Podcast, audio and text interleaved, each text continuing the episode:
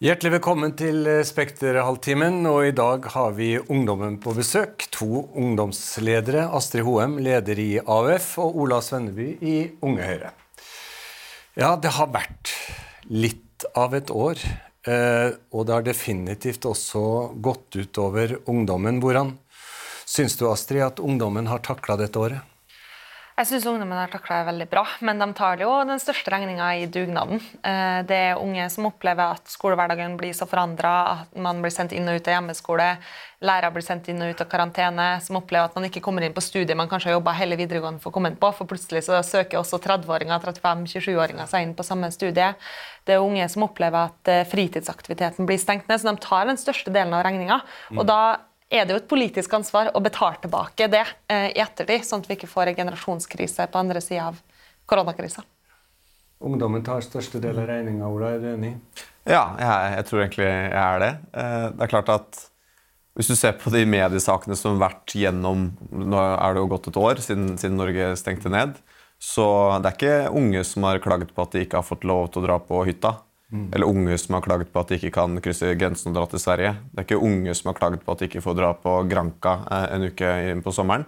Så jeg må si at jeg syns unge har vært uh, flinke, uh, og jeg syns også at de har tatt det største, det største ansvaret, på en måte. Fordi ikke, vår generasjon har ikke kjellerleilighet. Vi har ikke hjemmekontor. Vi sitter på hybelen som man betaler dyre dommer for å ha, sitte foran skjerm hele dagen. Så jeg, jeg synes, uh, egentlig helt enig med Astrid. Jeg syns uh, unge har tatt den største regninga. Men mm. samtidig syns jeg også det er de som har klagd minst over å gjøre det også. Ja. Mm. Det er sagt at russetida kommer ikke tilbake. Nei, det, det, tror jeg er riktig. Og uh, dette var det, jeg tror det var Raymond Johansen som sa det. faktisk, At du husker ikke sommeren når du var 42, men sommeren man var russ, eller sommeren mellom videregående og, og studier og sånn, den, den, husker man jo. Og det tror jeg er helt riktig, og det, det får man jo ikke tilbake. Mm. Ungdommen har tatt størstedelen av regninga for dugnaden. Er du, er du, enig i de tiltakene innenfor ja, spesielt utdanning? da? La oss ta utdanningssektoren. Skole- og utdanningssektoren som er iverksatt uh, overfor ungdommen. Syns du det har vært bra og målretta? Det har ikke vært nok. Jeg tror det tok for lang tid før man avlyste eksamen, f.eks. Eller at man må opprette flere studieplasser, sånn at man faktisk får kommet inn på de studiene og snittet økt så mye, sånn som vi så i fjor. Eh, og så ser man også at krisepakkene eh, rammer urettferdig. At eh, de boligspekulantene som eier mange boliger, har fått krisepakker, ikke senka leia til studenter og unge, eller kanskje ikke leid ut i det hele tatt, sånn at boligmarkedet ikke blir, det ikke blir flere boliger tilgjengelig. Og det går hardest utover unge, for da er det både de som er studenter, som har mista deltidsjobben sin, som i tillegg betaler fortsatt 7500 i leie, mm. eh, og ikke fått ordentlig kompensasjonsordning for at man er ikke inne i dagpengeordninga og man opplever ikke å få liksom, man får lån og spennende og andre ting. Så det har ikke blitt gjort nok for unge. Og det er jo litt det krafttaket vi må ha etter nå og etter pandemien mm. for å faktisk sørge for at vår generasjon får de samme mulighetene som foreldregenerasjonen vår. For det er det jeg er mest redd for at skjer, at vi får færre muligheter. At vi ikke eh, får de samme mulighetene på arbeidsmarkedet, på boligmarkedet. Eh, pensjonen vet vi allerede kommer til å bli dårligere. Altså det Summen av ting her gjør at vi får en generasjon med færre muligheter. Regjeringa di har ikke gjort nok? Ja, jeg tror, for helt ærlig, jeg tror det tiltaket som først og fremst mangler, er umulig å få til. Jeg tror det folk, altså det vår generasjon først og fremst har lyst til, er å ha mindre smitteverntiltak. Det var umiddelbart det jeg tenkte da, man, da jeg fikk beskjed om at vi skulle diskutere er tiltakene gjort nok. Og jeg, og jeg mener helt oppriktig på fordi eh, jeg, jeg, Det er litt sånn todelt. og Jeg er helt enig i at man skal legge forskning til grunn og faglig råd til grunn hva gjelder smittevern, men jeg mener på et eller annet tidspunkt så må det være lov til å si er dette verdt det. Sant? Er det verdt med stengte lesesaler? Er det verdt det med, eh, når dette i så stor grad går utover unge? Eh, at de skal sitte isolert hele tiden, selv om unge også kan være smitte, smittespredere. Jeg tror at, eller jeg mener egentlig jeg har litt falt ned på med meg sjøl etter å ha sett sånn psykisk helseproblemer. altså sånn mm. Venner av meg som vanlig er, vanligvis er hypersosiale, som jeg ikke engang tror har tenkt over at de, de, også har en psykisk helse. Eh, hvordan de nå sliter med liksom, motivasjon, livsglede. Man får ikke at det er, ser noen ende på dette. Så jeg mener at Det er egentlig det tiltaket jeg mener mangler. og så skjønner jeg det er faglig kontroversielt. Eh, man skal lytte til faglig råd osv. Men på et eller annet tidspunkt så mener jeg at det også er en relevant diskusjon. Mm -hmm. Ja, jeg tror det viktigste er også at man får smitten ned, da, at man får stoppa smitten. Og så er jeg enig med Ola at man må stille seg spørsmålet når er det ikke lenger verdt det. Mm. Men foreløpig så ser vi jo i Norge litt enden av lyset i tunnelen, forhåpentligvis. Vi får beskjed om at vi kommer til å være vaksinert innen juni. Gjerne skulle vært det før. Ja. Uh, men, jeg, men, jeg, tror det er viktig å, huske på både der at man sier sånn man får ikke russetida tilbake. Nei, du får ikke gått på dine første fester som 16-åring, på en måte. Du gjør det kanskje som 18-åring, for det er nesten snart uh, halve videregående tida til dem det gjelder, uh, og som går på skolen i dag. Men enda viktigere så får du ikke kanskje tilbake de samme mulighetene hvis du havner utenfor arbeidsmarkedet. Mm. Vi vet at det å stå utenfor studier, utenfor skole, utenfor arbeid for unge, det har en tendens til å gripe seg fast i ganske mange år. De hullene i CV-en gjør at du ikke kommer videre der. Du eh, får ikke noe neste sommer hvis eh, du ikke får den hjelpa, psykiske helsehjelpa du trenger når du trenger den. Og Det er jo egentlig det som er den største bekymringa. Hvordan kommer det til å påvirke vårt voksenliv da, om ti år? Ja. ja nei, jeg er helt enig i det. Uh, og jeg er helt enig i at uh, altså, Dette er ganske skummelt med høy arbeidsledighet blant unge. Særlig blant gutter også, fordi man vet at gutter som er utafor arbeidsliv eller utdanning i tidlig 20-åra, har en tendens til å havne utafor resten av livet. Og, og det er altså for staten sin del eh, veldig dyrt, men for enkeltpersonen, enkeltpersonene det gjelder, så er det jo ingen tvil om at det som først og fremst gir tilhørighet, det som først og fremst gir eh, liksom, mening ved å stå opp for noe, er jo nøyaktig, liksom, nettopp det å ha en jobb å gå til. Og Det er jo det som er kjipt med pandemien også, at det er jo nettopp de som det ikke burde ha gått utover, som det går utover. De mm. første som faller ut, er jo unge, eller kanskje øh, de med minoritetsbakgrunn osv. Så, videre. så Så jeg er enig at vi skal at det er, En ting er hva man gjør under pandemien, men det kommer også til å bli veldig viktig etterpå. Men jeg syns fortsatt når man øh, den, når man diskuterer tiltak, avlyste eksamen og mm. sånn, så skal man fortsatt ha i mente at enkelte av de tiltakene som politikerne gjør nå, bare for å liksom sette inn tiltak mot den, den ene generasjonen da, som, som, ikke har eksamen, kan få ganske langtvirkende konsekvenser. Sant? Avlyse eksamen nå. Jeg skjønner at undervisningen ikke har vært like god, og jeg skjønner at det er vanskelig med å følge med på, på hjemmeskole. Men at man ikke har eksamen nå, vil føre til at du har et kull som ikke har hatt eksamener. Vi vet at gjennomsnittseleven går ned på eksamen. Det gjør det verre for de som kommer etterpå. Og ikke minst det gjør det verre for de som gikk ut av videregående for et par år siden, og som kanskje har mistet jobben pga. covid, og som nå ønsker å søke seg inn igjen på studier. For da vil de konkurrere med folk som har mye bedre karakterer enn dem. Så, så jeg er helt enig i at det er viktig å liksom ta ting ved rota, men vi må passe på at de tiltakene vi gjør, ikke får liksom langtvirkende konsekvenser utover det man ønsker å, ønsker å gjøre noe med. Men det som er at alle tiltakene som har vært til unge, har man liksom diskutert seg opp og ned i mente. og Har vi råd til det? Det var snakka om liksom, eh, pakker til studenter som mista deltidsjobbene sine. Så ble det diskutert på en helt annen måte enn at man bare plutselig kasta mange millioner kroner inn til liksom, boligspekulantene. og Det er jo også en litt av. At sånn, man regner på kroner og øre når vi kommer ned til vår generasjon. Mens en del av de pakkene nå vet vi har fått veldig sosialt urettferdig eh, utslag. Og spesielt også da blant unge. Det har jo noe med de sosiale forskjellene generelt, men spesielt også for unge. For det er vi som er på leiemarkedet i aller størst grad. Foreldregenerasjonen vår har i større grad kunnet kjøpt seg bolig, betalt ned lånene sine, sitter nå egentlig og har lav rente og trygge jobber og lever et ganske trygt og godt liv. Og har det egentlig, utenom det at man ikke får kanskje vært eh, sosial på samme måte, ganske greit, både økonomisk og eh, sånn trygghetsmessig. Mens vår generasjon betaler 7,5, får ikke jobba deltid, får 8000 i stipend. Altså det, man har regna på en helt annen måte når man snakker om ungdom enn eldre. Det er jeg helt enig i, men jeg mener ikke at det at man kan peke på regjeringen og si at det er regjeringens skyld.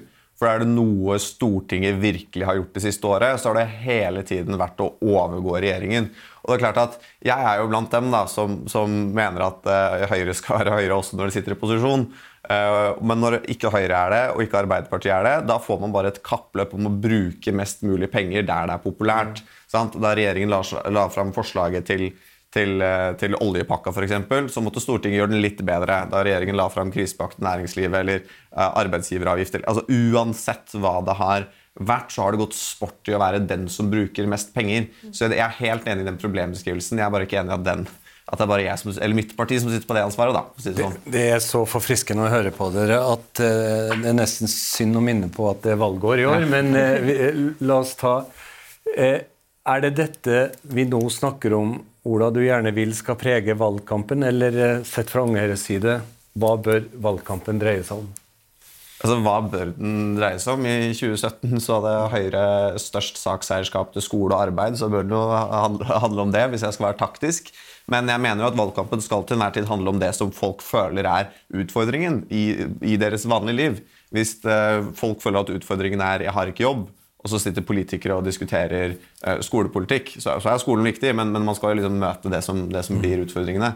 Uh, og jeg tror nok uh, Dessverre så har vi hele tiden fått beskjeder om at denne hva skal jeg si, ekstraordinære situasjonen, ikke bare med tanke på smitte, men økonomien også, har liksom blitt forskjøvet lenger og lenger fram i tid. Og det er ingenting som tyder på at alt skal være bra til valget. Så jeg tror dette blir, blir ganske viktige valgkampsaker også. Det blir en spesiell valgkamp?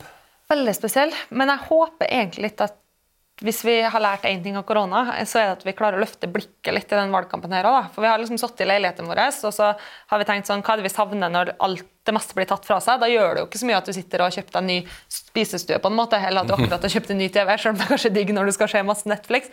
Poenget er at du ser litt hva som er viktig i livet òg, og det er det fellesskapet, å være sammen med folk, det, det samfunnet vi lever i i hverdagen vår. Og da håper jeg også at den valgkampen her, når vi har vært gjennom det året vi har, blir en mulighet til å se sånn, hvor er det vi ønsker å være om ti år, ikke bare ett år.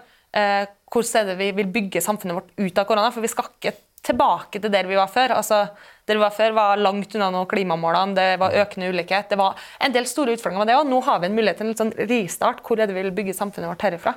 Hva vil du som AUF-leder gjerne blir hovedtemaene i valgkampen? da? Jeg mener at det er viktig klima.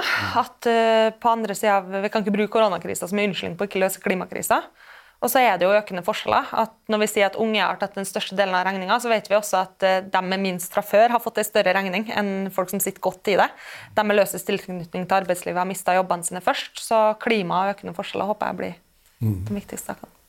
Ja, altså jeg, Det jeg alltid har brent for, det jeg brenner for, og det er kanskje litt sånn typisk, uh, stereotypisk høyrepolitikk også, at skolen løser alle problemer. Det var jo ikke så mange år siden Høyre var kjent for å bare snakke om skole og skatt.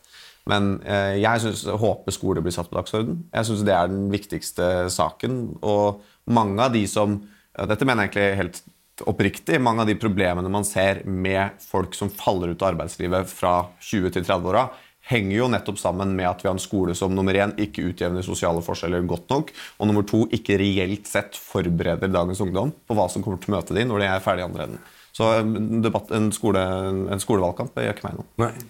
Eh, er, er, arbeidslivet og arbeidslivet parter flink nok til å gi plass til ungdommen til å komme seg inn i arbeidslivet, hvis du skjønner hvor jeg vil? Altså, er det, er det, er det, kunne det vært enklere, eller, eller har vi et åpent arbeidsmarked for ungdom? Mm, det tror, jeg, det tror, jeg, er vanskelig å si. Jeg tror, jeg, altså, blant mine bekjente og, og familie og sånn, så, så, opplever jo alle på et eller annet tidspunkt få jobb. Du får jo heldigvis eh, jobb i Norge. Det jeg tror kanskje den største forskjellen er, og det er dette som irriterer meg litt med denne debatten om sånn politiske broilere og at unge folk har tillitsverv og sånn, og at folk ser litt ned på det. Det irriterer meg, og det, grunnen til at det irriterer meg, det er fordi at veldig mange av de livssituasjonene som unge står i, er liksom nederst på rangstigen. Mm. Man er helt ferskest i arbeidsmarkedet. Man er mest utsatt for seksuell trakassering på jobb. Man er mest utsatt for å miste jobben. Man tjener dårligst. Så jeg mener at det er, det er, nok, det er ikke umulig å få jobb i, i, i, som ung i Norge. Det, det, er et bra land å være arbeidstaker i. Men jeg mener at man skal huske på at de unge er mest utsatt. Så at unge også er sine representanter og sine talspersoner, både som i form av politikere, men også på NHO og i LO, eh, tror jeg er, er viktig. Altså. Mm. Ja, Når du spør om partene, så tror jeg at at det er viktig at man har uh, ung representasjon, men ikke minst også at man tar de kampene som gjelder for unge. Mange unge jobber jo i uh, usikre jobber, jobber som ikke har den samme tryggheten. Uh, ofte i nye liksom app-industrien f.eks. Mm. Og da syns jeg det var veldig forfriskende å se at, uh, at man har organisert, uh, organisert Fodura f.eks. At det er viktig, da, fordi at ofte unge utafor litt det trygge arbeidslivet òg. Man jobber uten uh, tryggheten fra en fagforening og kanskje også tryggheten fra en hovedorganisasjon på andre sida på arbeidsgiver. Så det tror jeg å hele tida også rydde opp der unge er, selv om de er der en kort tid. Fordi Ofte så er de jo ikke der i 15 år, de gjør det mens de studerer. Og så er det kanskje også vanskeligere å ta tak i det, fordi at man tenker sånn, hvis jeg bare skal jobbe ett år, skal jeg da stå i den kampen for å få rydda opp her? Mm. Men da er det også viktig at, eh, at man prioriterer det både fra arbeidsgiversida og fra arbeidstakerorganisasjonene. Mm. To ungdomsledere, to store, viktige organisasjoner. Hvor er det internasjonale engasjementet? Det er sterkt. Og er det én ting jeg kjenner at jeg blir ordentlig frustrert av i koronakrisa, så er det litt det at vi bygger mer murer og mindre bruer egentlig nå. Og vi har, en, vi har nesten null debatt i Norge om at det finnes land der du ikke kan be folk om å holde seg hjemme og holde håpet opp fordi vaksinene ikke kommer før 2023. Mm. Altså, Frankrike og Canada har kjøpt nok vaksiner til å vaksinere sin egen befolkning fem ganger. Samtidig som man har land, i, spesielt i Afrika, som, som ikke får starta vaksineringa i det hele tatt.